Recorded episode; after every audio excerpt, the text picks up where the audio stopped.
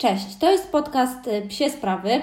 To już drugi odcinek, który dla Was nagrywam. Na wstępie chciałabym podziękować wszystkim, którzy przesłuchali y, pierwszy odcinek, a na ten moment y, jest to około 9 przesłuchań, więc dziękuję, bo spodziewałam się co najwyżej jednego mojego męża. Więc bardzo, bardzo dziękuję za te przesłuchania. Bardzo chciałabym też podziękować wszystkim, którzy polajkowali mój profil na Instagramie. I ten profil nazywa się Psie Sprawy. Chciałam także e, podziękować mojej przyjaciółce Ani Pająk za udostępnienie mojego profilu. E, mam nadzieję, że sprostam Twoim oczekiwaniom i rzeczywiście na tym podcaście będzie się pojawiał sam wartościowy content. Oraz e, jeszcze jednemu profilowi, specjalnie go sobie zapisałam. Jest to profil Airdogs Team Jumping, tak, który także udostępnił link do mojego profilu na Instagramie. Mam nadzieję, że jakby te udostępnienia nie pójdą na marne, że znajdziecie tu fajne treści, które będziecie z przyjemnością słuchać, że znajdziecie tutaj bardzo dużo przydatnej e, wiedzy mm, i informacji o życiu z psem. E, bo chciałam tylko przypomnieć dla wszystkich, którzy nie słuchali pierwszego odcinka, ale trafili tutaj na drugi odcinek, mm, jest to podcast o życiu z psem o, o tym, e, jak z psem spędzać wolny czas. Myślę, że też będziemy mówić o tym, jak żywić psa, o kwestiach zdrowotnych, o kwestiach treningów, ale też o kwestiach takiego codziennego życia z psem. Jeśli chodzi o takie bardzo techniczne rzeczy, to wkrótce na pewno założę Facebooka. Z racji jakby mojego, mojej pracy, yy, tak jak już mówiłam Wam w pierwszym podcaście, jestem Digital Marketing Managerem. Ja troszeczkę mniej y, wierzę w Facebooka i uważam, że jest to medium, które skupiło się teraz głównie na komercyjnych treściach, a ten Mm, podcast na pewno komercyjny nie jest, ale wiem, że, że dużo z Was zagląda na Facebooka, bo jest to medium, na które w posta można wrzucić link, e, można podlinkować inny profil, można całkiem sporo napisać i te treści też gdzieś, wam tam, gdzieś tam do Was łatwiej docierają, więc na pewno tego Facebooka założę. Myślę, że jeszcze dzisiaj. E, jeśli chodzi o e, YouTube'a, to też wiem, że dużo z Was y, chętniej y, ogląda, słucha podcastów właśnie przez YouTube'a, więc myślę, że to też założę. Tutaj muszę troszeczkę przyszpilić mojego męża, żeby mi pomógł, bo on jest YouTube masterem i y, sam wrzuca swoje filmiki. Myślę też, że go Wam podlinkuję, to będzie mu bardzo miło. Więc te kanały wkrótce.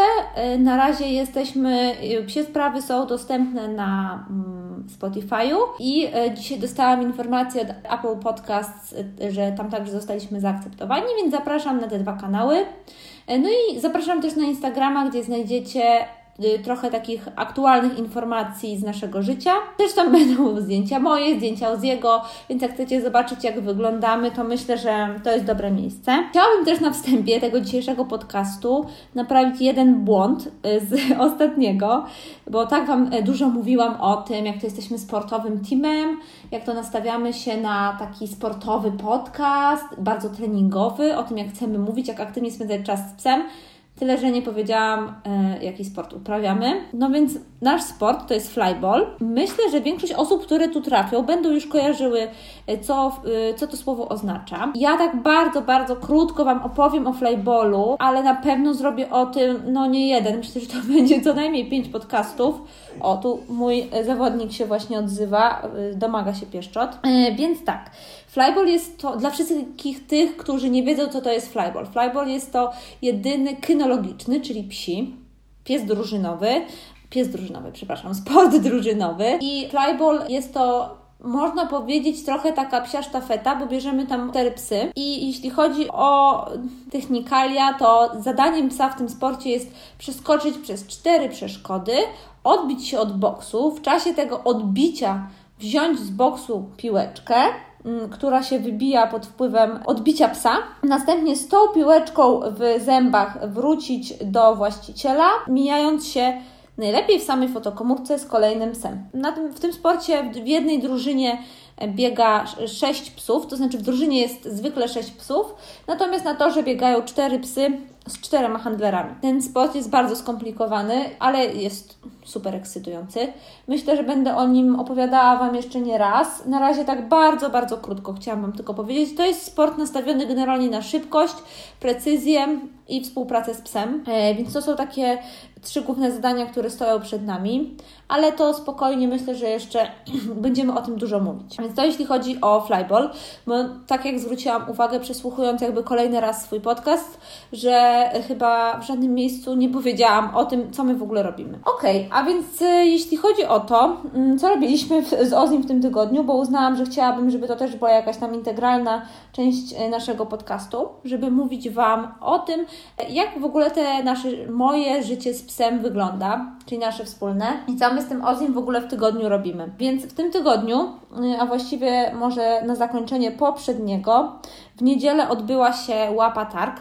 Łapa Targ to są targi, które organizuję razem z moją wspólniczką Zusią. Mówiłam Wam o nich w poprzednim nagraniu i okazały się super, ekstra, mega wielkim sukcesem.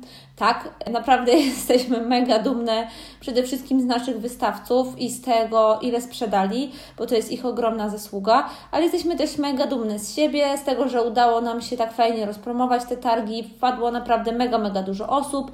Mieliśmy super akcje z psi, z psi influencerami. Same stworzyłyśmy to słowo, więc teraz musimy się nauczyć je wypowiadać. I wyszło to naprawdę bardzo, bardzo fajnie. Przyszło mnóstwo osób ale przede wszystkim, co dla nas najważniejsze, jako Ozzy.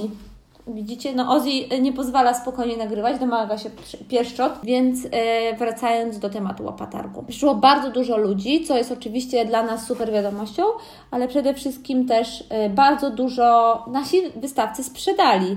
Myślę, że mogę powiedzieć o kilku jakichś tam rekordach, e, które jakby wystawcy sami nam, sami gdzieś tam publikowali na swoich social mediach. Na przykład However, myślę, że marka Wam bardzo dobrze znana, a jeśli nie, to od razu wpisujcie ją w Wasze wyszukiwarki. However, to jest e, super marka produkująca smycze, smycze, obroże, akcesoria dla zwierząt. Sprzedali 160 produktów, to znaczy, że sprzedawali jeden produkt co mniej więcej dwie minuty Myślę, że możecie sobie wyobrazić, że przez 7 godzin to jest naprawdę mega dużo pracy.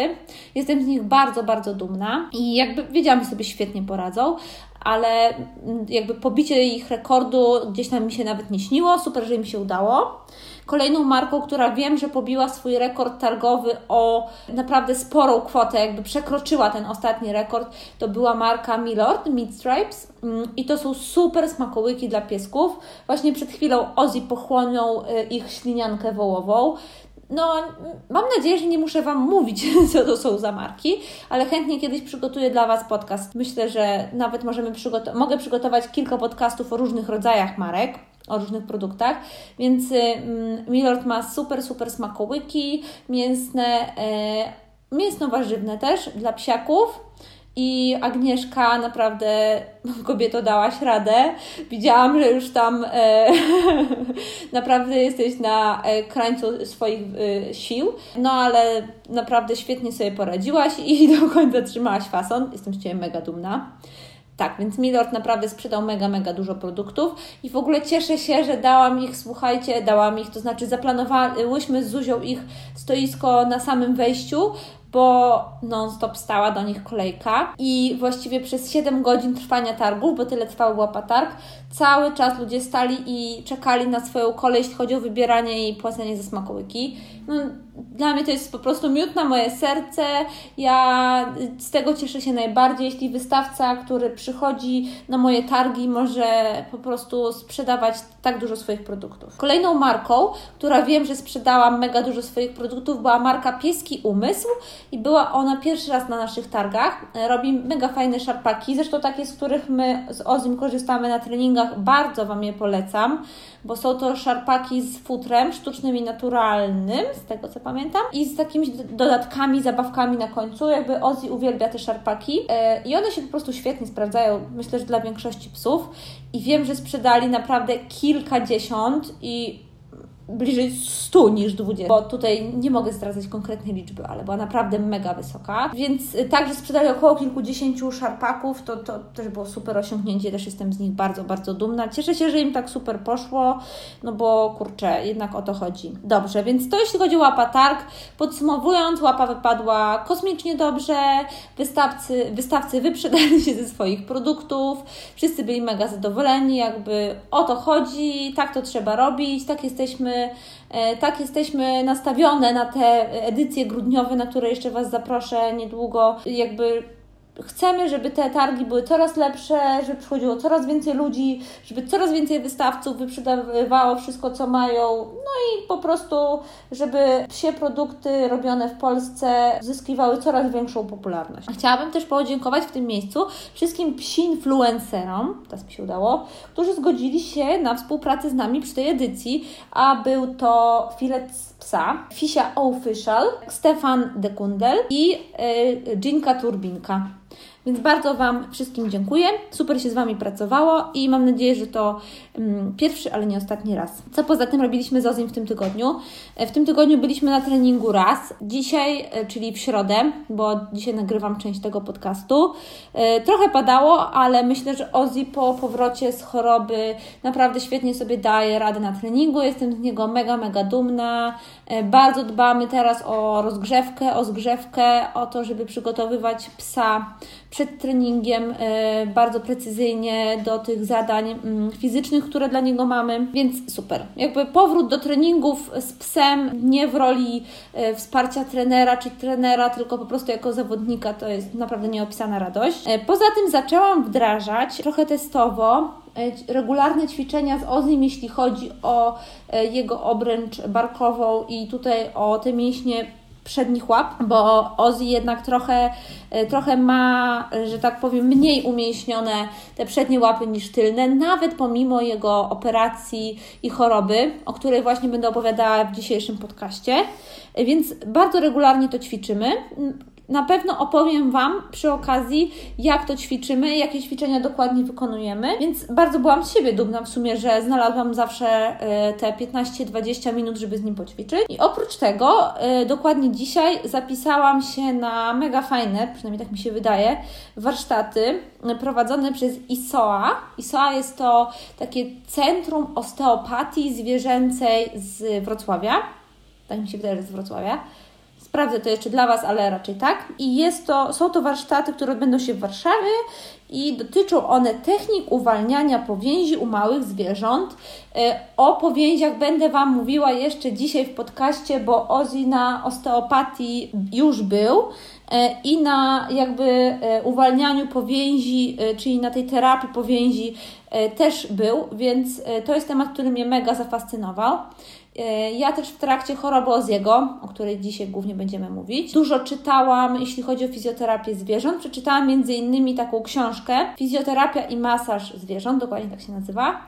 I w tej książce dużo było mowy o powięziach i to jest dla mnie jakieś takie nowe odkrycie. Wow, mamy powięzi i my i psy i w ogóle większość zwierząt, mm, przynajmniej wszystkie ssaki. No więc jestem trochę nim e, zafascynowana, chcę go zgłębiać, więc uznałam, że taki warsztat, który odbędzie się dodatkowo w Warszawie, to będzie fajny pomysł. No i co? No i tak wyglądał nasz tydzień i w ogóle jestem e, bardzo pozytywnie nastawiona po tym pierwszym odcinku podcastu. Mam nadzieję, że jakoś mi pójdzie ten drugi odcinek i będę go e, dla Was mogła udostępnić już w tę sobotę. Dzisiaj jest środa, kiedy to nagrywam. Przygotowałam sobie tym razem bardzo składne notatki, bo chcę opowiadać o bardzo trudnym i bardzo skomplikowanym temacie, jakim jest choroba Oziego, więc przygotowałam sobie wyniki badań, wszystkie daty, wszystkie dokładne diagnozy i tak dalej.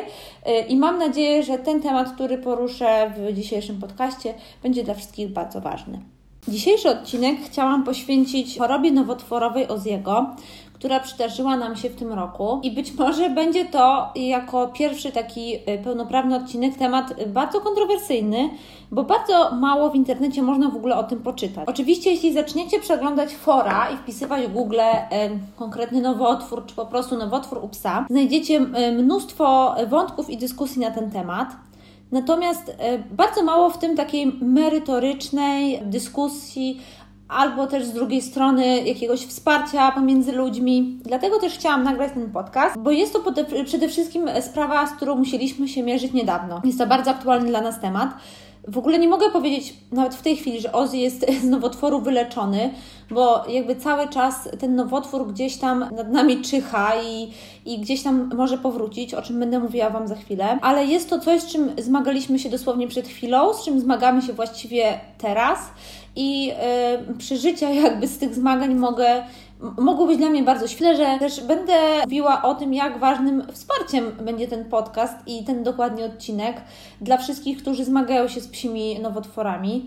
E, sama, jakby będąc w tej sytuacji, szukałabym dokładnie takiego podcastu i szukałabym dokładnie takich treści, e, które mm, opowiedziałyby mi w sposób merytoryczny, jak wygląda przebieg nowotworu, leczenie i tak dalej, ale e, takie, które też pokazałyby mi jakieś pozytywne aspekty tej historii, albo chociaż jakiś scenariusz, w którym to wszystko się kończy bardzo pozytywnie i w którym ten pies jednak na koniec jest zdrowy, jest wyleczony i nie ma samej tylko takiej bardzo negatywnej wizji wiszącego nad nami nowotworu. Szukałabym po prostu treści, które podnoszą mnie na duchu, które sprawiają, że jakby walczę, a nie poddaję się w najmniej E, do tego dobry moment. Oprócz tego uważam, że temat jest po prostu społecznie ważny, społecznie w sensie wśród psiej społeczności i zarówno jeśli chodzi o profilaktykę, mm, ale też jeśli chodzi o wiedzę, o dostęp do niej, e, a także dostęp do lekarzy specjalistów.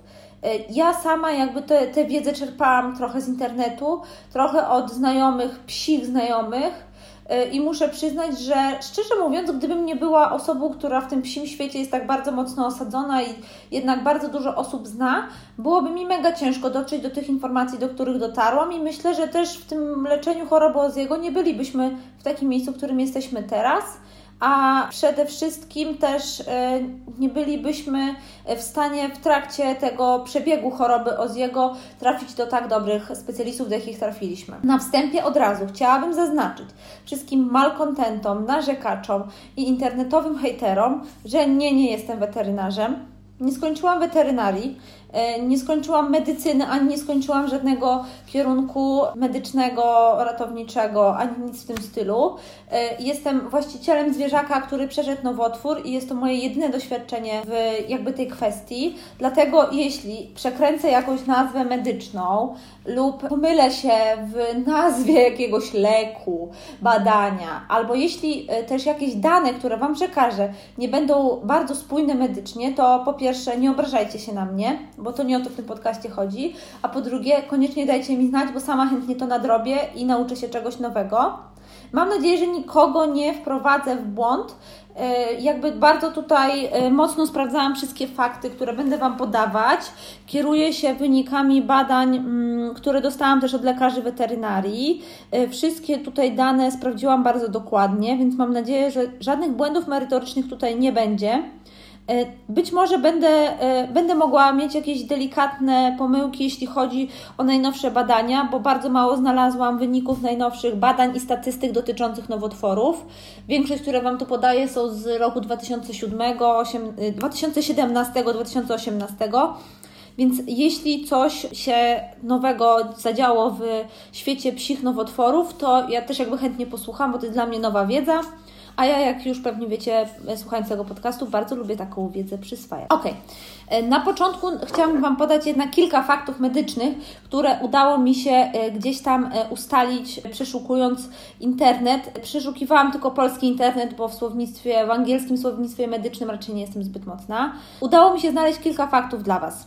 Jeśli chodzi o nowotwory, najczęściej chorują na nie psy, powyżej 10 roku życia. Oczywiście to nic nie znaczy, bo Ozzy ma prawie 5 lat i też jakby zachorował na nowotwór. Natomiast po tym 10 roku życia ta, ta, ten procent psów chorujących na nowotwory znacznie rośnie. Jest też trochę tak, że konkretne rasy psów są narażone na konkretne nowotwory, czy są po prostu podatne na nowotwory.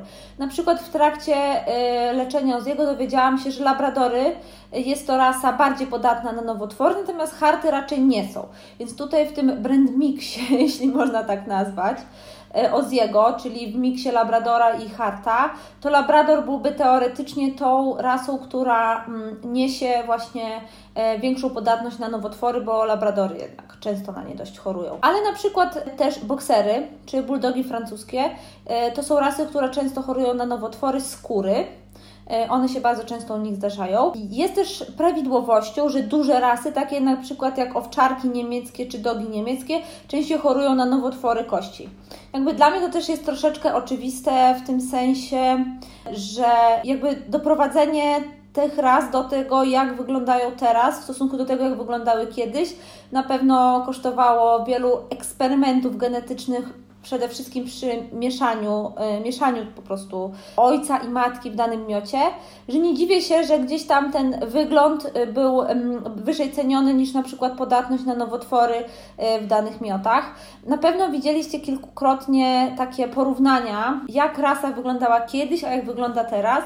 Jeśli nie, to bardzo Wam polecam wygooglanie sobie czegoś takiego. Jest to naprawdę bardzo, bardzo przykry obrazek tego, jak kiedyś wyglądały rasy psów, a jak wyglądają teraz. Myślę, że będziecie ogromnie zdziwieni. Na przykład, jak wyglądały kiedyś jamniki, jak wyglądały bulldogi francuskie, jak wyglądały pitbulle, jak wyglądały amstaffy, czy chyba dla mnie to jest najbardziej przerażające, jak teraz wyglądają owczarki niemieckie, a jak wyglądały kiedyś. No, jest to smutna historia ale niemniej polecam Wam sobie wygooglać ten obrazek i zobaczyć. Było bardzo to pouczające. Jeśli chodzi o nowotwory, to pewnie dla większości właścicieli zwierząt najważniejsze jest to przede wszystkim, jak można poznać, że Twój pies nowotwór ma. Wypisałam sobie na podstawie jednego z artykułów objawy, jakie może mieć pies, jeśli ma nowotwór, natomiast nie uważam, że są one Wam bardzo pomocne, nie będą Wam bardzo pomocne, bo szczerze mówiąc, ostatnio jak Ozzy zżarł coś na spacerze, miał bardzo podobne, a to nie oznaczało, że ma nowotwór. Ale podam Wam je, bo jakby myślę, że są ważne i w sumie każda informacja, która ma zaprowadzić właściciela psa, który, ją, który wykazuje dany objaw do weterynarza, już jest jakąś korzyścią z tego, że je po prostu przytoczę. Więc na pewno są to deformacje i to była, e, to był na przykład objaw Łoziego, pojawiła się deformacja na łapce. Kulawizny to często przy nowotworach kości, guzy, no to właśnie było u Łoziego, mm, duszności, kaszel, e, niedokrwistość, no to już jest coś, co wychodzi totalnie w badaniach. Złe samopoczucie ogólne, czyli to, że pies jest markotny, nie chce jeść, ma zły humor, nie chce się z nami bawić, ale też na przykład biegunka czy kaszel. Mm, no jak widzicie, są to, mogą to być objawy, nie wiem, zatrucia pokarmowego, tak też nowotworu. Natomiast warto na nie zwrócić uwagę i jeśli są nasilone, jeśli pomimo zastosowania leków i y, jakichś środków zapobiegawczych nadal występują, to trzeba się zainteresować. Dotarłam też do statystyki, która szczerze mówiąc mnie trochę przeraziła. Jest to amerykańska statystyka, statystyka amerykańskich naukowców.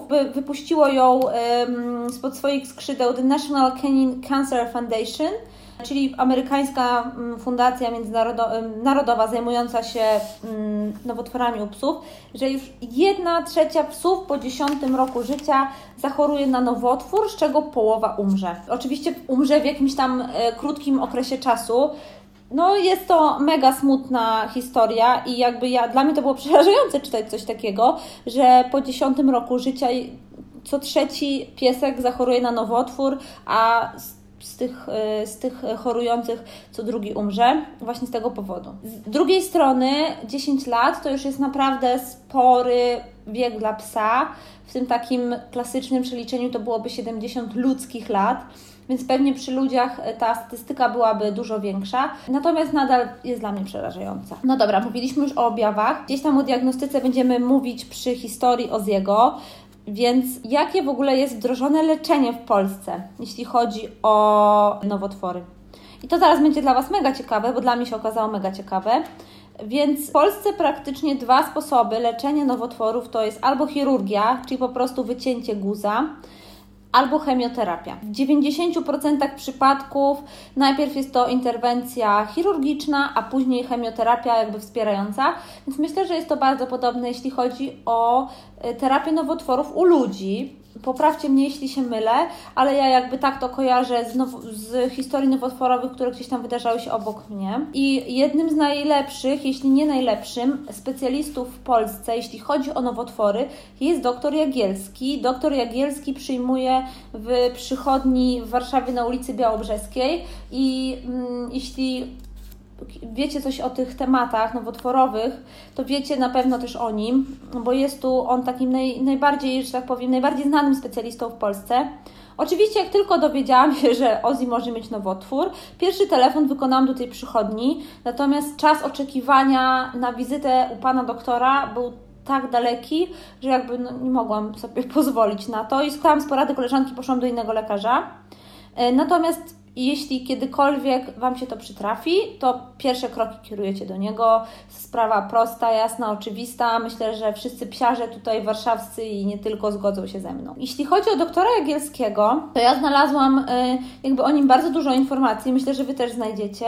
Oczywiście większość pozytywnych, negatywnych nie będę przytaczała, bo nie ma takiego sensu w ogóle.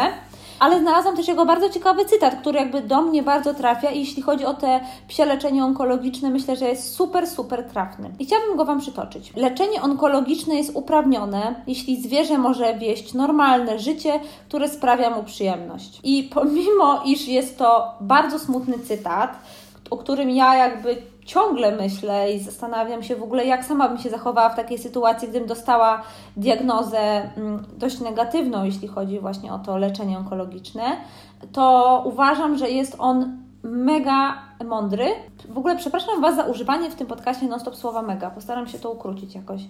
Więc jest to bardzo mądry cytat i on też pokazuje, mm, że dla jakby doktora Jagielskiego to właśnie te godne, normalne, szczęśliwe życie psa jest ważniejsze niż nasze uczucia gdzieś tam na koniec.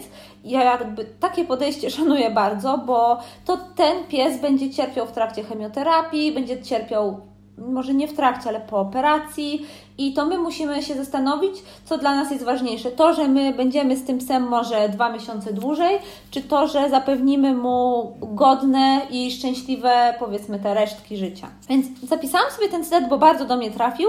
Mam nadzieję, że zapadnie Wam w pamięci. Jakby on dla mnie obrazuje idealne podejście do leczenia onkologicznego zwierząt. Co bardzo ciekawe i co ja przyjęłam z absolutnym szokiem i próbuję znaleźć informacje, czy to się jakoś zmieniło. Myślę, że skonsultuję się jeszcze z naszym onkologiem, zanim wypuszczę ten podcast i potwierdzę, czy tak rzeczywiście jest. W Polsce nie ma ani jednego aparatu do radioterapii zwierząt. Wyobrażacie to sobie? że żadna przychodnia w Polsce nie ma na tyle kasy, bo to chodzi o kasę, sprawdziłam, nie o dostępność, żeby zakupić aparat do radioterapii zwierzaków jakby wow, i jest to dla mnie trochę przerażające. Czytałam też w artykułach, które udało mi się gdzieś tam znaleźć w internecie, że polscy lekarze kierują zwierzęta na radioterapię do Niemiec czy chyba do Belgii, ale jest to super, super drogie. No nic, no, taki, taki news z onkologicznego polskiego świata. Dla mnie bardzo smutny news. No ale niestety. No dobrze, słuchajcie, jeśli chodzi o to, jaki nowotwór miał Ozzy, to chciałabym w ogóle zacząć od tej informacji i powiedzieć kilka słów o tym nowotworze, a później opowiem Wam, jak to wyszło, jak to się stało, że go odkryliśmy, jakie badania przeprowadziliśmy i tak dalej. Więc nowotwór, jaki miał Ozzy, to jest włókniako-mięsak, e, czyli e, według chyba języka angielskiego, i to też się bierze oczywiście z łaciny, to jest fibrosarcoma.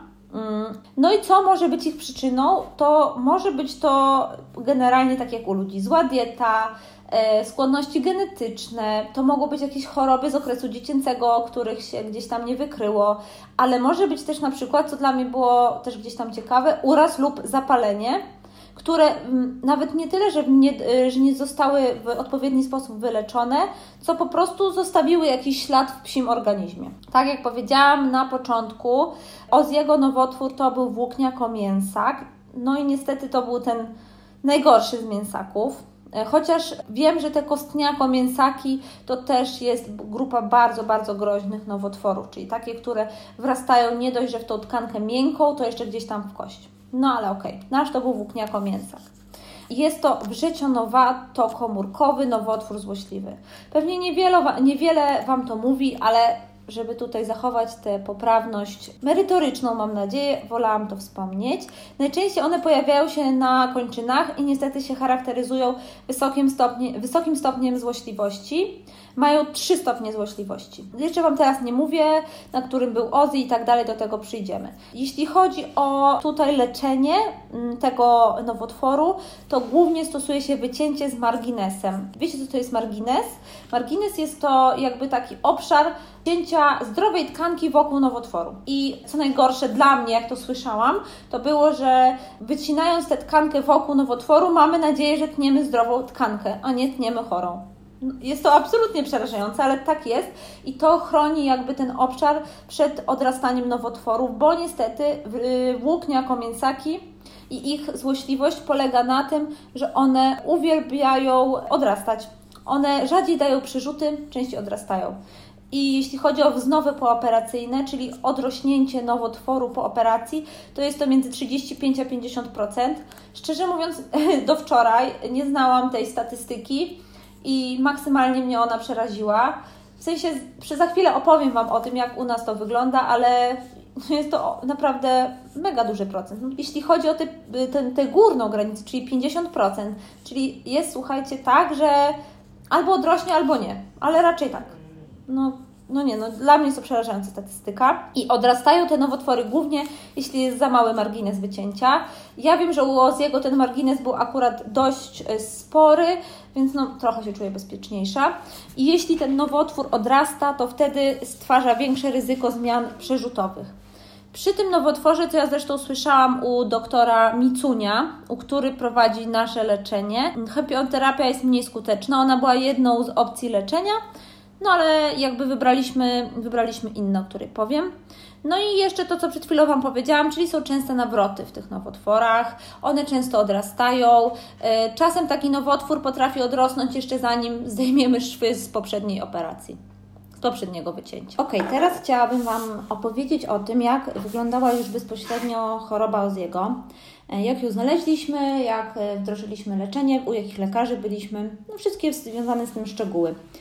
Więc zaczęło się od tego, że mm, jak już wiecie, Ozzy trenuje flyball i na pierwszych zawodach w sezonie, które odbyły się w Koputach pod Warszawą 25 maja, w drugim, e, w pierwszym meczu, z tego co pamiętam, danego dnia naszej drużyny, a w drugim biegu, mm, bo w meczu mamy co najmniej trzy biegi, Ozzy skontuzjował się w trakcie biegu. To znaczy, ja jakby tego nie widziałam, bo ja biegnąc nie widzę psa wracającego, ale wyglądało to tak, że Ozzy wystartował. Mm, już przy samym starcie czuć było, że biegnie wolniej. E, po odbiciu z boksu, jakby zszedł z jednej e, chopki, ominął ją i wrócił już do mnie kulejąc. Jakby on kulał w tamtym momencie i kulał e, chwilę po tym, natomiast jakby dość szybko to rozchodził i nic mu wielkiego nie było. Natomiast no już tego dnia wycofaliśmy go z biegów e, i do końca dnia siedział sobie spokojnie w klateczce. Mm, następnego dnia próbowaliśmy jeszcze, żeby wystartował, nie wiedzieliśmy co to jest za kontuzja, a w ogóle nie wspomniałam o tym, że mamy w drużynie weterynarza, więc zaraz po tej kontuzji e, Agnieszka go zbadała, zobaczyła, że to nie jest jakiś uraz kości, złamanie, raczej nie skręcenie, no nic takiego, co może jakby od razu warunkować wykluczenie zawodnika z konkurencji. No więc tak jak mówiłam, e, w niedzielę rano spróbowaliśmy opuścić Oziego, to znaczy ja zrobiłam z nim taki króciutki bieg, e, wystartowałam z szarpakiem, ktoś go puścił i Ozzy wystartował, wszystko było ok, no ale zaraz, zaraz zaczął znowu kuleć, więc uznaliśmy, że no dzisiaj już po prostu nie biega, a my jak najszybciej pójdziemy mm, do lekarza. I e, jakby ja wiedziałam, że to nie jest jakiś uraz e, typowy, czyli skręcenie, złamanie i tak dalej. Wiedziałam, że zamiast kierować się do weterynarza, powinnam się skierować raczej do fizjoterapeuty, który zna się na przypadkach tych kontuzji sportowych. No i wtedy miałam taki problem, że generalnie jesteśmy klientami pacjentami e, Centrum Fizjoterapii Animal Active. Ja bardzo lubię to centrum. Natomiast Ozzy bardzo, bardzo bał się, bo to już jest czas przeszły, już jakby wyszliśmy z tego, ale to o tym później Wam opowiem. E, więc wyszliśmy, e, więc Ozzy się bardzo bał, bał tego miejsca, stresował się tam, widocznie kojarzył to trochę jak weterynarza i tak dalej, więc był dość zestresowany. Szukałam jakiejś opcji, żeby fizjoterapeuta przyjechał do nas, no oczywiście jak najszybciej, najlepiej tego samego dnia. E, czyli poniedziałek, wtorek. I moja koleżanka poleciła mi też dziewczynę, która zajmuje się fizjoterapią zwierząt, ale także osteopatią, Elę Gładecką, która przyjmuje w Warszawie poleciła mi, że ona przyjmuje e, w mieszkaniu, przyjmuje w takich domowych warunkach, sama ma pieski, może od jemu będzie łatwiej w takim bardziej mm, domowym e, pomieszczeniu, w domowym takim miejscu. No uznałam, że no, nie zaszkodzi spróbować i poszliśmy do Eli e, we wtorek, czyli mm, dwa dni po tym wypadku, 28 maja. No i jak się okazało, mm, Ela jakby ta, taką techniką palpacyjną, czyli po prostu po zbadaniu z jego po wyczuciu, po wymacaniu, krótko mówiąc, stwierdziła, że jest uraz iliopsasa, czyli mięśnia y, biodrowo-lędźwiowego. E, te kontuzje iliopsasa się bardzo, bardzo często zdarzają u psów, bo to jest tak, że jest to mięsień, który jest z jednej strony przyczepiony bardzo szeroko, a z drugiej bardzo, bardzo wąsko co jest trochę takim błędem genetycznym, jeśli chodzi o psy, trochę takim błędem natury, bo to jest ogromny mięsień, który powinien być przyczepiony w dwóch miejscach jakby szeroko, żeby mógł być gdzieś tam bezpieczny przy ruchu. No i Ela oczywiście zrobiła mu masaż, pokazała nam też ćwiczenia, jak powinniśmy ćwiczyć z Ozim, żeby takie wypadki się nie zdarzały. No i zaleciła nam USG e, stawów i my zrobiliśmy je w tym samym tygodniu. Okazało się, że u pani doktor, którą Ela nam e, polecała, czyli u doktor Kosiec Tworus w przychodni na Białobrzeskiej, gdzie jeszcze w tym odcinku trafimy. Zrobiliśmy to USG, przy okazji zrobiliśmy jakby przód, czyli przednie łapy, tylne łapy.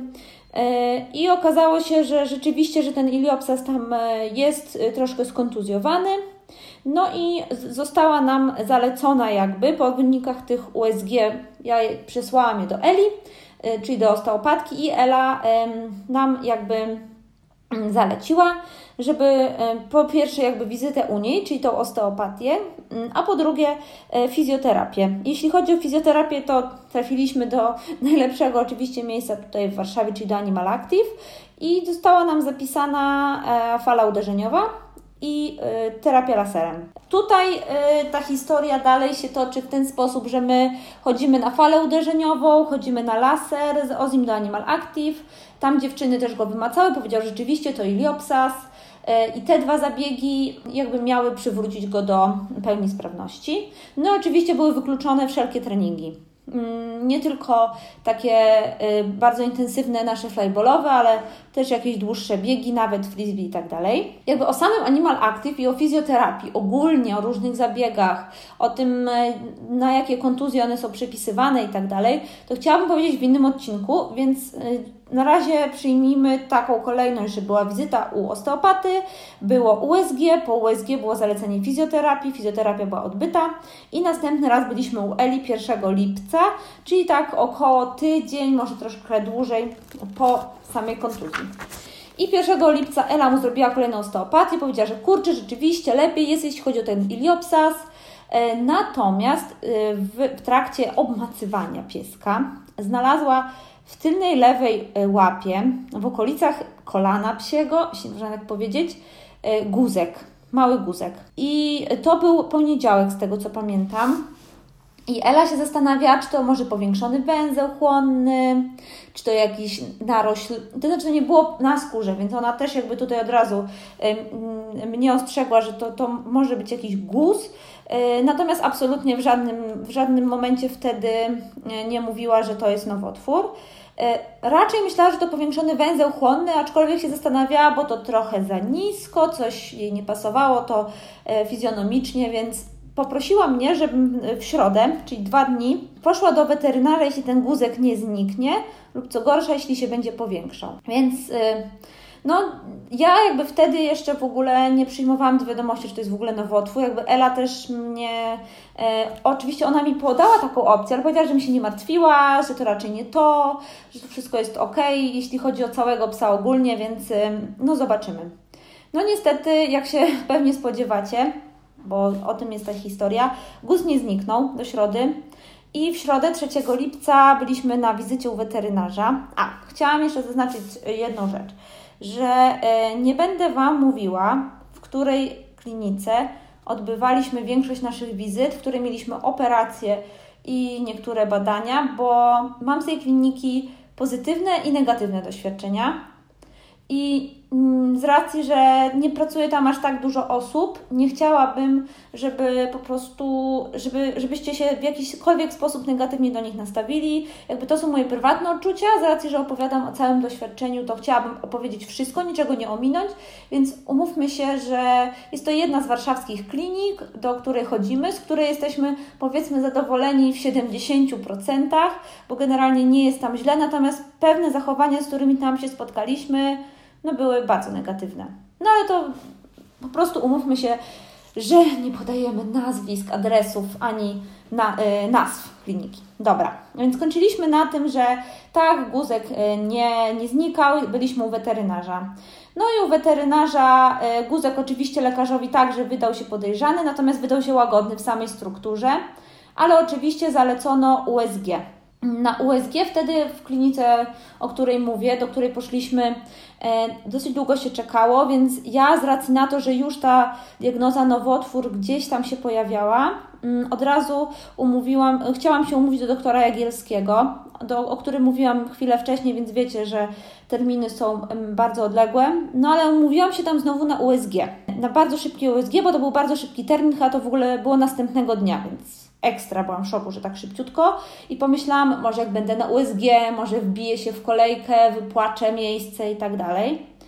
E, no i pojechałam, e, pojechaliśmy z Ozim następnego dnia na USG. Nawet długo nie czekaliśmy, byliśmy umówieni na konkretną godzinę, więc to jakoś nam sprawnie poszło na tej białobrzeskiej. E, no i od razu mieliśmy jakby taki niejednoznaczny wynik tego USG, że ok, jest to guz, jego struktura komórek jest wygląda na taką i taką. Nie będę Wam jakby tłumaczyła, bo to są jakieś super trudne weterynaryjne nazwy. Chodziło o to, że jakby w USG on się wydawał łagodny, także w dotyku jakby się wydawał łagodny. E, ale lekarz, który robił to USG, od razu zalecił nam biopsję, powiedział, że to jest badanie, które najlepiej stwierdza, jaki to jest guz. No i tak się okazało, że jakby mogliśmy zostać od razu na tę biopsję. Wystarczyło poczekać 15 minut i mogliśmy od razu jakby zrobić tę biopsję, więc ja byłam zachwycona, mówię, ok, od razu tak, róbmy. Chociaż nie ukrywam, że miałam bardzo wielką nadzieję, że lekarz powie, że nie, wszystko jest ok, spoko, w ogóle nie martwcie się, dostaniecie zastrzyki do domu. No tak się nie stało, więc y, poczekaliśmy chwilę na biopsję. No i jeśli chodzi o biopsję, to muszę też Wam y, powiedzieć, że y, ja już wtedy zaczęłam trochę to przeżywać i się stresować tym, że to oczywiście może być nowotwór. No i jak wyszedł pan doktor, tam pani doktor, już nie pamiętam, Y, po Oziego. Ja chciałam iść z nim i okazało się, że on musi iść sam, a Ozzy bardzo ciężko znosi, może nie tyle rozłąkę ze mną, co po prostu taką sytuację, w której ma iść z kimś obcym, w obcym miejscu zrobić coś niezbyt przyjemnego. Więc ja tak strasznie zestresowałam się tym, że on idzie sam z tą lekarką na tę biopsję, że po prostu wyszłam z przychodni, popłakałam się na maksa, stałam po prostu przed przychodnią, nie wiem przed kim, co tam udawałam, ale płakałam naprawdę strasznymi łzami, a mój pies tylko poszedł na biopsję tak naprawdę ale myślę, że w klinice, w której pracuje najlepszy specjalista w Polsce od nowotworów, raczej do płaczących ludzi e, są przyzwyczajeni, więc nikogo nie zdziwiło, kiedy lekarz odstawił mi od jego po biopsji, kiedy no ja taka zapłakana tam weszłam i go odebrałam. No i od razu mieliśmy wyniki biopsji i e, muszę Wam powiedzieć jedną taką rzecz, mm, którą, której być może o biopsji nie wiecie. Mm, jeśli chodzi o biopsję, to zwykle pobiera się u psów trzy próbki, to znaczy robi się w kłucie i tą igiełką pobiera się trzy kawałki jakby nowotworu e, czy guza, mm, jak zwał, tak zwał. Jakby u Oziego zrobiono pięć, więc jakby tych próbek było więcej, więc wynik był bardziej prawdopodobny. E, I to była ta biopsja cienko-igłowa, mm, czyli ta dająca trochę mniej pewny wynik. Ostatnio się dowiedziałam, że na przykład u ludzi jest tak, że jest gruboigłowa i cienkoigłowa. I ta gruboigłowa daje bardzo znaczący wynik co do tego, jak, jaka jest struktura nowotworu, ta cienkoigłowa daje mniej znaczący. Ok, więc biopsja wyszła w porządku, to znaczy, że ten, że ten guz to jest najprawdopodobniej mięsak, e, ale że nie jest złośliwy, że wygląda ok. E, no i my z, tą, z tym wynikiem biopsji zaczęliśmy e, szukać już jakby konkretnego lekarza, e, onkologa, który mm, mógłby ocenić ten stan, ocenić jakby te wszystkie wyniki, które mieliśmy, bo mieliśmy USG, biopsję. Tutaj pomocny okazał się Facebook, na który, o którym tak negatywnie mówiłam jeszcze w tym odcinku. I po prostu napisałam do, do wszystkich znajomych, że hej, na swojej tablicy. E, czy znacie jakiegoś psiego onkologa? No oczywiście wszyscy mówili o Jagielskim, więc ja odpowiadałam tak, super ekstra, do Jagielskiego mogę umówić się za miesiąc, muszę teraz. Ja też próbowałam jakimiś swoimi kanałami do tego Jagielskiego się umówić, ale naprawdę nie było takiej opcji. I wtedy z pomocą przyszła mi e, Asia. Asia w ogóle jest autorką podcastu, którego możecie posłuchać na mm, Spotify na pewno i na Apple Podcasts. Jest to podcast Psia Stacja. Asia jest też e, właścicielką i projektantką marki Pieski w Kreski, gdzie szyje super psie ubranka. E, no więc Asia odpowiedziała na moją, e, na moją wiadomość, napisała do mnie, że hej, ja z moją suczką chodzę do doktora Micunia, mm, właśnie do przychodni na Puławskiej i polecam Ci go, jakby ja jestem zadowolona z tego, w jaki sposób prowadzi onkologicznie mojego pieska. E, I tak się, słuchajcie, okazało, że dosłownie za dwa dni doktor Micuń miał taki jakby dyżur internistyczny w tej przychodni i on na tym dyżurze bez zapisów przyjmuje pacjentów.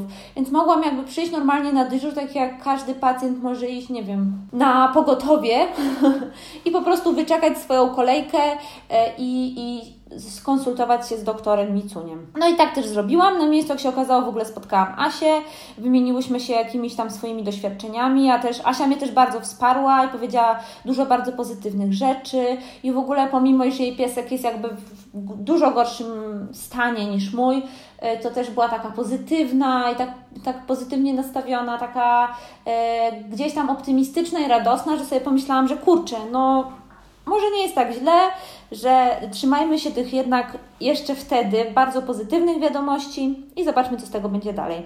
Więc jeśli chodzi o doktora Micunia, to ta wizyta też przebiegła bardzo pozytywnie. Doktor był bardzo merytoryczny, ale też tłumaczył wszystko w taki fajny, jasny, zrozumiały sposób, tak jakbyś po prostu chciał to usłyszeć u lekarza.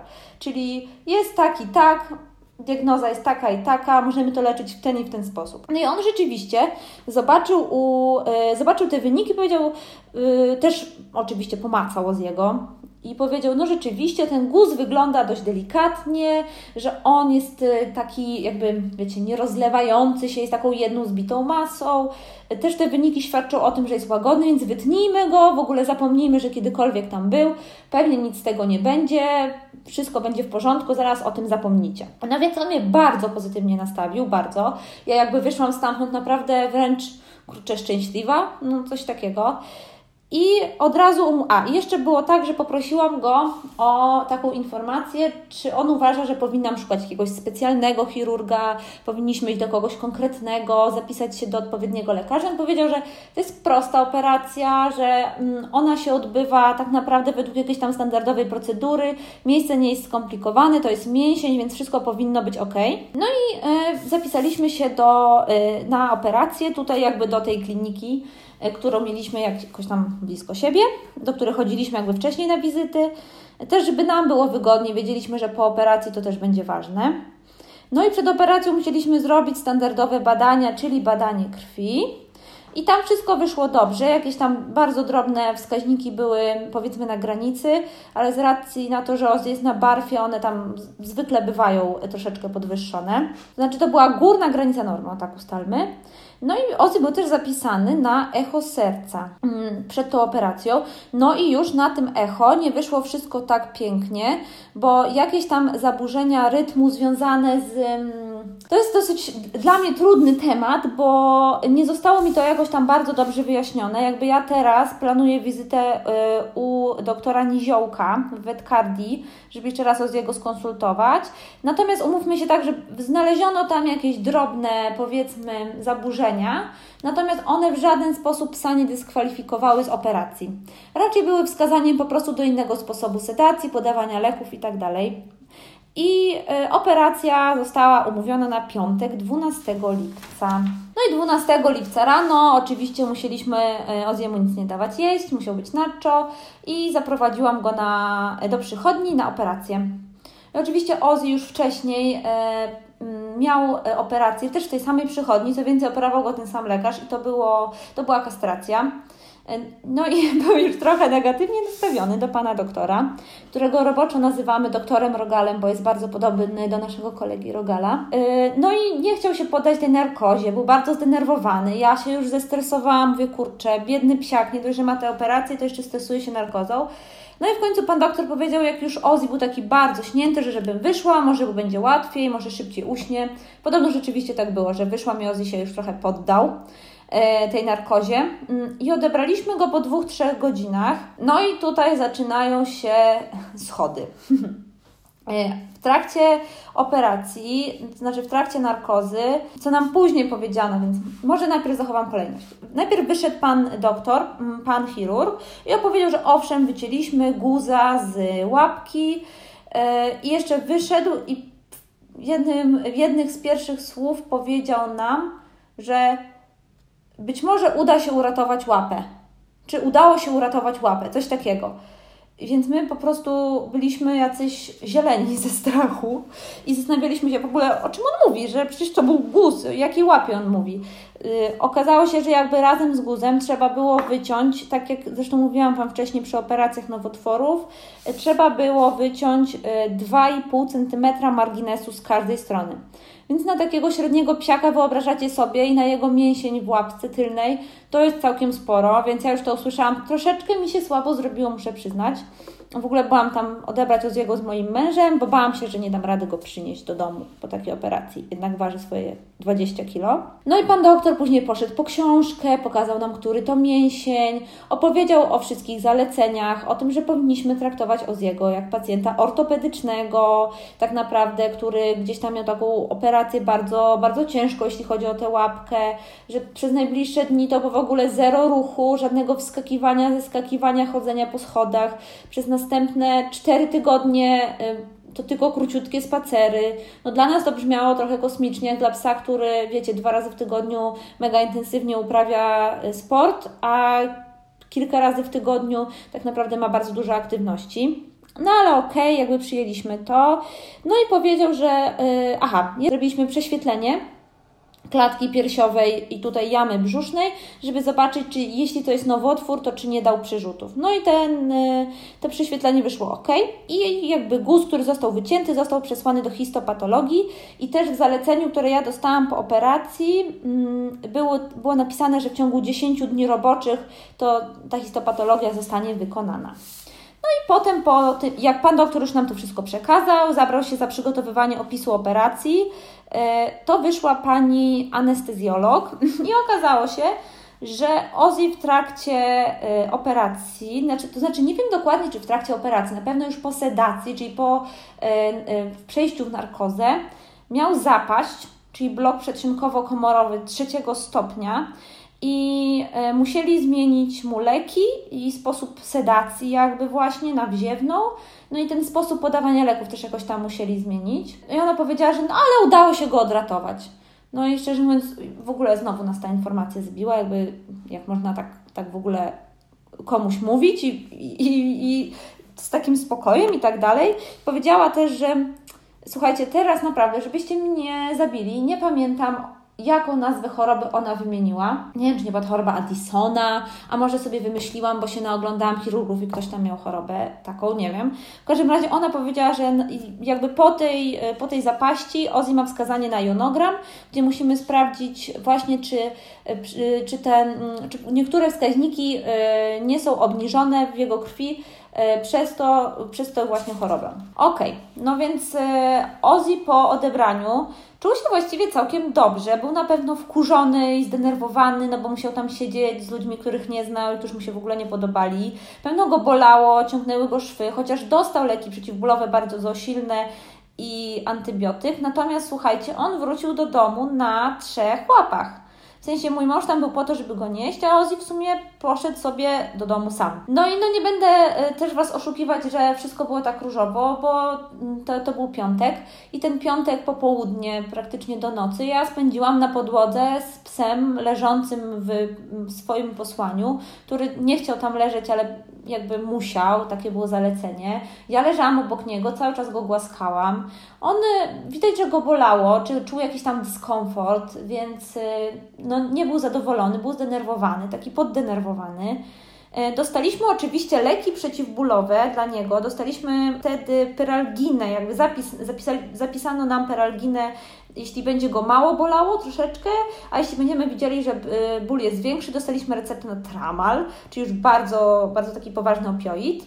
Ale powiem Wam, że jakby my się oboje jakby ze sobą konsultowaliśmy, oboje jakby się zastanawialiśmy nad tym i nie było potrzeby podania nawet tej pyralginy. On się, wiadomo, był zdenerwowany, ale realnie go to naszym zdaniem nie bolało. No i dostał takie zalecenie, że też następnego dnia e, musi iść na wizytę, zobaczyć jak tam się ma. Mm, następnego dnia na wizycie było wszystko ok, on też już się czuł lepiej, już nawet tam stanął sobie na tych łapkach i tak dalej.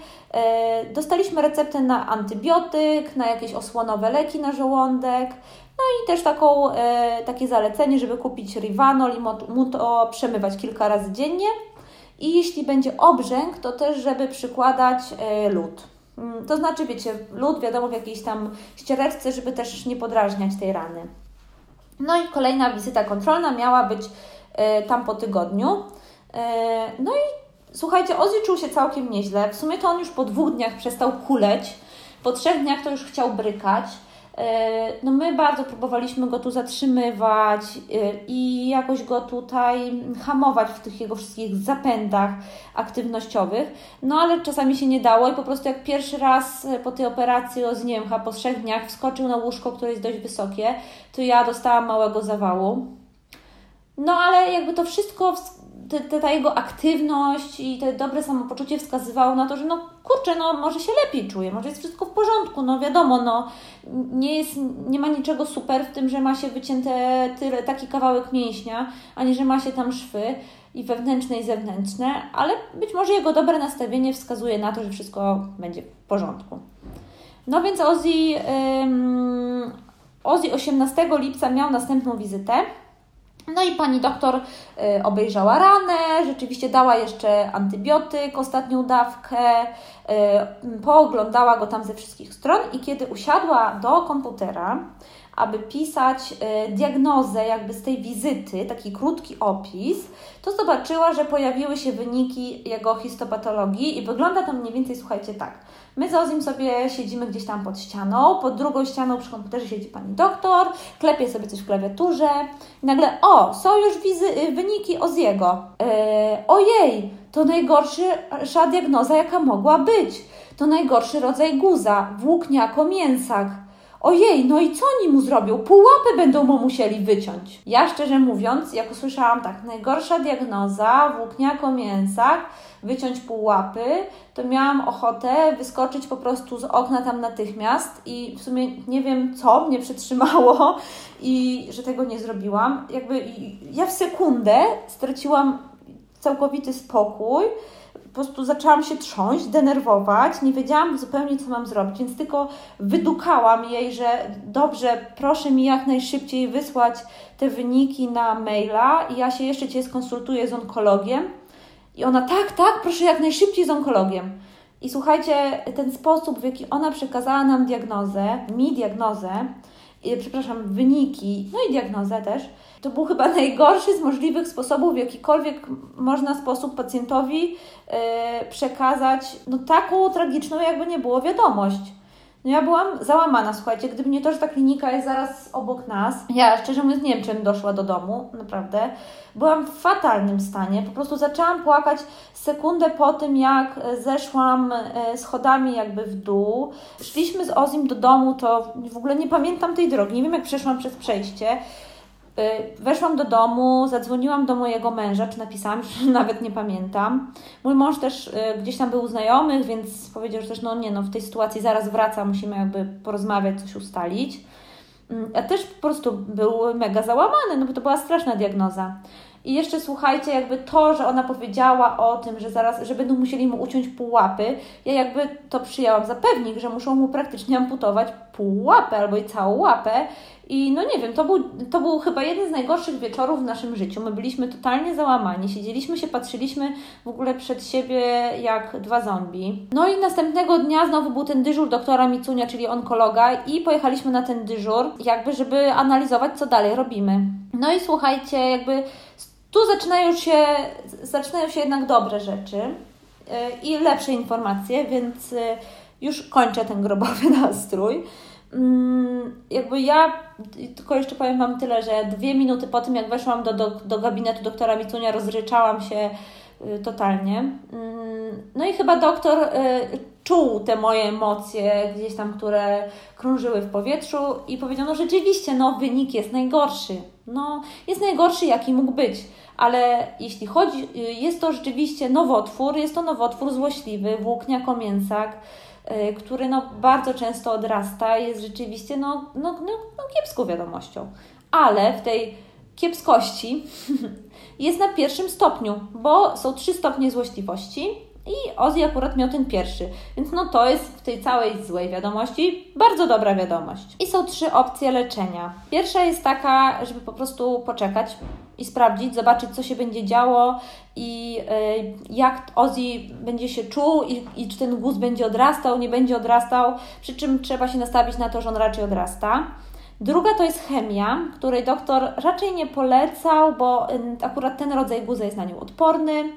E, nie jest to też dla psa komfortowe rozwiązanie. No, jakby to była gdzieś tam e, opcja, ale której on nie polecał. No i on jakby zalecił nam e, ostatnie rozwiązanie, na które my się finalnie zdecydowaliśmy w tamtym momencie, czyli kolejną operację, zaraz po zdjęciu szwów po tej. I ta operacja miałaby po prostu poszerzyć to cięcie w miejscu guza, żeby zabezpieczyć to miejsce przed odrastaniem nowego guza, czy tego guza jakby po wznowie. E, doktor powiedział, że po zdjęciu szwów, bo jakoś to było ty... E, szwy Ozzy miał dwa tygodnie, więc to było tydzień po operacji, więc jeszcze tydzień mieliśmy poczekać i po zdjęciu szwów umówić się na USG, zobaczyć jak to będzie wyglądać i praktycznie od razu umówić się na drugą operację. Ta wizyta nastawiła nas e, bardzo pozytywnie i uznaliśmy, że no kurczę, no jest źle, ale, mm, ale przynajmniej jest jakiś plan leczenia, wiemy co robimy, damy radę. Mi też się bardzo podobało to, co Pan doktor mówił, że tak, po pierwsze pierwsze, w tej drugiej operacji będziemy wycinać 1 cm, więc no już nie, nie tyle co poprzednio. A po drugie, że Oz jest sportowcem, że to nie jest jakiś zwykły fafik spod bloku. No, oczywiście nie mam nic przeciwko fafikom spod bloku. Chodzi bardziej o, o taką sportową jego dalszą przyszłość.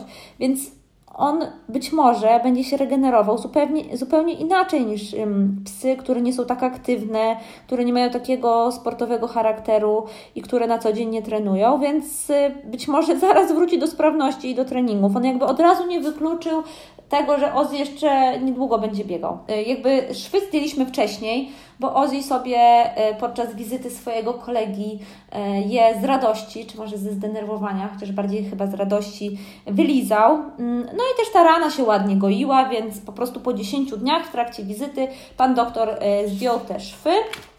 I 14 dni po zdjęciu, 14 dni po operacji mm, zrobiliśmy USG. I na tym e, USG wszystko było ok, guz nie odrastał. A nie wiem, czy pamiętacie z dzisiejszego podcastu. Wcześniej mówiłam, że te guzy czasem od, odrastają jeszcze przed zdjęciem szwów. No więc w ogóle super. Był odczyn zapalny, ale jakby nie było guza. My jakby od razu byliśmy umówieni na operację i w ogóle to było tak, że chyba USG było w piątek. Tak, w piątek, a na środę byliśmy umówieni na operację. No i wysłaliśmy wyniki tego USG do doktora Micunia. E, nawet w sobotę byliśmy gdzieś tam na działce u wujka i cioci, gdzie Ozzy sobie biegał z ich jamnikiem, świetnie się bawił i tak rozmawialiśmy, że w sumie nie jest tak źle, no będzie operacja, wiadomo, to zawsze jest, jest gdzieś tam ryzyko i dla psa e, dyskomfort, ale już jest jasny plan leczenia, więc wszystko będzie dobrze. No i słuchajcie, w niedzielę po południu zadzwonił do nas doktor Micuń i powiedział, słuchajcie, guza na razie nie ma, wszystko jest w porządku, może dajmy temu psu spokój, może to nie odrośnie. Może po prostu e, ten guz został wycięty bardzo szeroko, więc on nie będzie, się, nie będzie się wznawiał. Więc odwołajcie tą operację, na razie jej nie róbmy, zróbcie za miesiąc USG i zobaczymy, co będzie. No i możecie zacząć wdrażać jakąś tam rehabilitację i tak dalej. Więc słuchajcie, no my byliśmy w niebo wzięci. Naprawdę ja się wtedy popłakałam się ze szczęścia. Byłam naprawdę bardzo szczęśliwa. I oczywiście umówiłam się na USG nie za miesiąc, tylko na za dwa tygodnie, bo bym nie wytrzymała miesiąca. No i słuchajcie, e, zaczęliśmy rehabilitację w Animal Active, bo wiedziałam, że Ozzy tam już sobie dobrze radzi, przyzwyczaił się do tego miejsca w trakcie tej pierwszej rehabilitacji. No i też nie wiem, czy wiecie, ale w trakcie nowotworu mm, mm, nie wolno robić klasycznej rehabilitacji. E, a dlatego, że wszystkie takie prace na komórkach, które mogłyby pobudzać układ krwionośny czy układ nerwowy do pracy, mogą wzmagać namnażanie się tego nowotworu, a także jego odrastanie. Więc decyzją e, naszej rehabilitantki Karoliny, e, którą bardzo serdecznie pozdrawiamy, bo Oz ją kocha, uwielbia, szanuje, zaczęliśmy terapię powięzi. No i słuchajcie, co to jest terapia powięzi? E, ja w ogóle, mm, szczerze mówiąc, wiedziałam, że jest coś takiego jak powięź, głównie dlatego, że słyszałam o tej terapii powięzi właśnie. E, ale nie miałam e, pojęcia, że jest to jakby tak istotna część ludzkiego ciała. I słuchajcie, wiecie co to jest powięź? Powięź jest to struktura elastyczna zbudowana z tkanki łącznej, która otacza mięśnie, organy ścięgna, więzadła. I co jest fajne, to ta powięź to jest taka sieć komórkowa. Wyobraźcie sobie to taki, jak taki worek, który opina organy, mięśnie, ścięgna, więzadła i tak dalej i ona między sobą przesyła informacje. I na przykład masaż y, części policzka Oziego mógł rozluźnić powięź, która szła aż do ramienia. Nie, naprawdę jest to, słuchajcie, niesamowite. O tym też powiem, więc tylko tak szybciutko Wam powiem, że tą metodą zajął się doktor Stecco i mm, on jakby pierwszy to wprowadził. My robiliśmy tą y, terapię właśnie z Karoliną. I to jest taki masaż, który redukuje napięcia w tych powięziach, które mogą prowadzić do jakichś tam dalszych spięć w mięśniach. No więc Karolina przez kilka tygodni go rozluźniała, on miał te masaże, w sumie to świetnie to znosił, a na bliznę po operacji zakładaliśmy takie specjalne taśmy do em. Na pewno kojarzycie sportowców oklejonych kolorowymi taśmami. No więc Ozzy jako prawdziwy sportowiec także został taśmami oklejony. I to przynosiło fantastyczne efekty. W ogóle wiecie, my w trakcie tej e, fizjoterapii, która trwała miesiąc, to robiliśmy trzy razy chyba, czy dwa USG. USG wychodziło cały czas super, guz nie odrastał, jakby wszystko było ok. No i też jakby mm, lekarz chwalił te taśmy do kinezjotapingu, e, jeśli chodzi o regenerację blizny, bo naprawdę ona po miesiącu od operacji, czyli tam 12 sierpnia, wyglądała rewelacyjnie. Wyglądała jak blizna po zabiegu, który był rok temu. Naprawdę wyglądała super. E, no i na koniec tej e, rehabilitacji Ozzy dostał też takie zalecenie na trzy sesje bieżni wodnej, o której też powiemy przy okazji fizjoterapii. No i słuchajcie, na dzień dzisiejszy, jak to się mówi, e, czyli na 19 e, września, czyli już prawie dwa miesiące po operacji, e, nie możemy powiedzieć, że Ozzy jest wyleczony z nowotworu i że jest już absolutnie zdrowym pieskiem. Natomiast z jakąś tam dużą pewnością możemy powiedzieć, że jesteśmy na świetnej drodze do tego. Robimy aktualnie USG mamy za dwa tygodnie, bo zrobiliśmy tak co dwa tygodnie, co dwa tygodnie i teraz znowu za miesiąc robimy. Tak zostało też nam to zalecone przez y, lekarza robiącego USG. Ja jakby codziennie go tam obmacuję już wiem, co jest jeszcze niewchłoniętym szwem, co jest mięśniem, co jest gdzieś tam, co nie jest oczywiście, bo jeszcze nie znalazłam tego, czyli guzem. No i staram się jakby na bieżąco, codziennie też monitorować to, jak on się zachowuje, jak się czuje, żeby gdzieś tam wyłapać jakieś sygnały. No i w każdym razie na, na, na dzień dzisiejszy sytuacja wygląda dobrze. Ozzy trzy, trzy tygodnie temu, dwa, Dwa tygodnie temu wrócił do treningów, trenujemy z powrotem flyball. Za dwa tygodnie startujemy w zawodach. Wprawdzie Oziego ominął cały bardzo, bardzo ważny sezon, bo pierwszy dla naszej drużyny nowej mm, w zawodach. Ja bardzo to przeżywałam, bardzo mi było ciężko. Natomiast y, mam, mam nadzieję, prawie zdrowego psa i tego się będę trzymała. Słuchajcie, mam nadzieję, że ta historia nowotworu Oziego nie była dla Was za długa. Już teraz widzę, że nagrałam jej 40 minut. Pewnie jeszcze przy skracaniu materiału trochę zniknie, ale no ale tak to wygląda. Chciałam też to opisać Wam bardzo dokładnie. Chciałam też, żebyście wiedzieli krok po kroku, jak wyglądały te wszystkie badania, wizyty, spotkania z lekarzami i tak dalej. Żebyście mogli, y, układając jakby schemat gdzieś tam leczenia Waszego psa, trochę opierać się być może na tym, jeśli przypadek będzie podobny oczywiście. No i co, jeśli miałabym, dzisiaj właśnie o tym myślałam, jak chciałabym zakończyć ten podcast, jeśli miałabym y, wybrać jeden wniosek y, z tego, jak wyglądała ta nasza przygoda z nowotworem, to na pewno chciałabym Wam przekazać jedną rzecz, y, żebyście starali się w każdym momencie leczenia nowotworu czy diagnozowania zachować spokój i zachować trzeźwy, y, trzeźwo myślącą głowę Mm, bo ja na przykład tego nie zachowałam i przez to uważam, dostarczyłam Oziemu bardzo, bardzo dużo stresów. I połączyło się to z przeprowadzką naszą do nowego mieszkania, z jakimiś innymi sprawami. I Ozzy dostał na swoją głowę trochę za dużo niż powinien. I to była moja wina, bo ja powinnam zachować spokój, ja powinnam sama siebie wewnętrznie uspokajać, żeby y, na, jemu się dostały same te pozytywne emocje. I nie aż tak dużo negatywnych, jak się dostało jednak z mojej strony. Więc to taka, takie moje samobiczowanie się nad tym. E, I jeśli jeszcze chodzi o, e, o tą walkę z nowotworem, to chciałabym Wam powiedzieć, że Mam nadzieję, że ten podcast będzie dla Was też także e, wsparciem mm, właśnie w niej, bo jednak hi historia Oziego jest gdzieś tam pozytywna, mimo tych wszystkich negatywnych aspekt aspektów, które słyszeliście po drodze, bo da się z tego wyjść obronną ręką, nawet z takiej diagnozy, która wydawała się najgorsza. I powiem Wam tak, nawet jeśli ten guz odrośnie i będziemy musieli robić kolejną operację, to ja do niej już zupełnie inaczej podchodzę i mam nadzieję, że Wy też do choroby swojego psiaka, jeśli się taka wydarzy, a oczywiście nikomu z Was tego nie życzę, e, podejdziecie po wysłuchaniu tego podcastu i naszej historii. E, na koniec chciałabym jeszcze raz bardzo Wam podziękować za słuchanie mojego podcastu i tego i pierwszego odcinka. Jest Was coraz więcej. Jestem maksymalnie e, zaskoczona i bardzo dziękuję za wszystkie miłe komentarze i do zobaczenia w następnym odcinku za tydzień.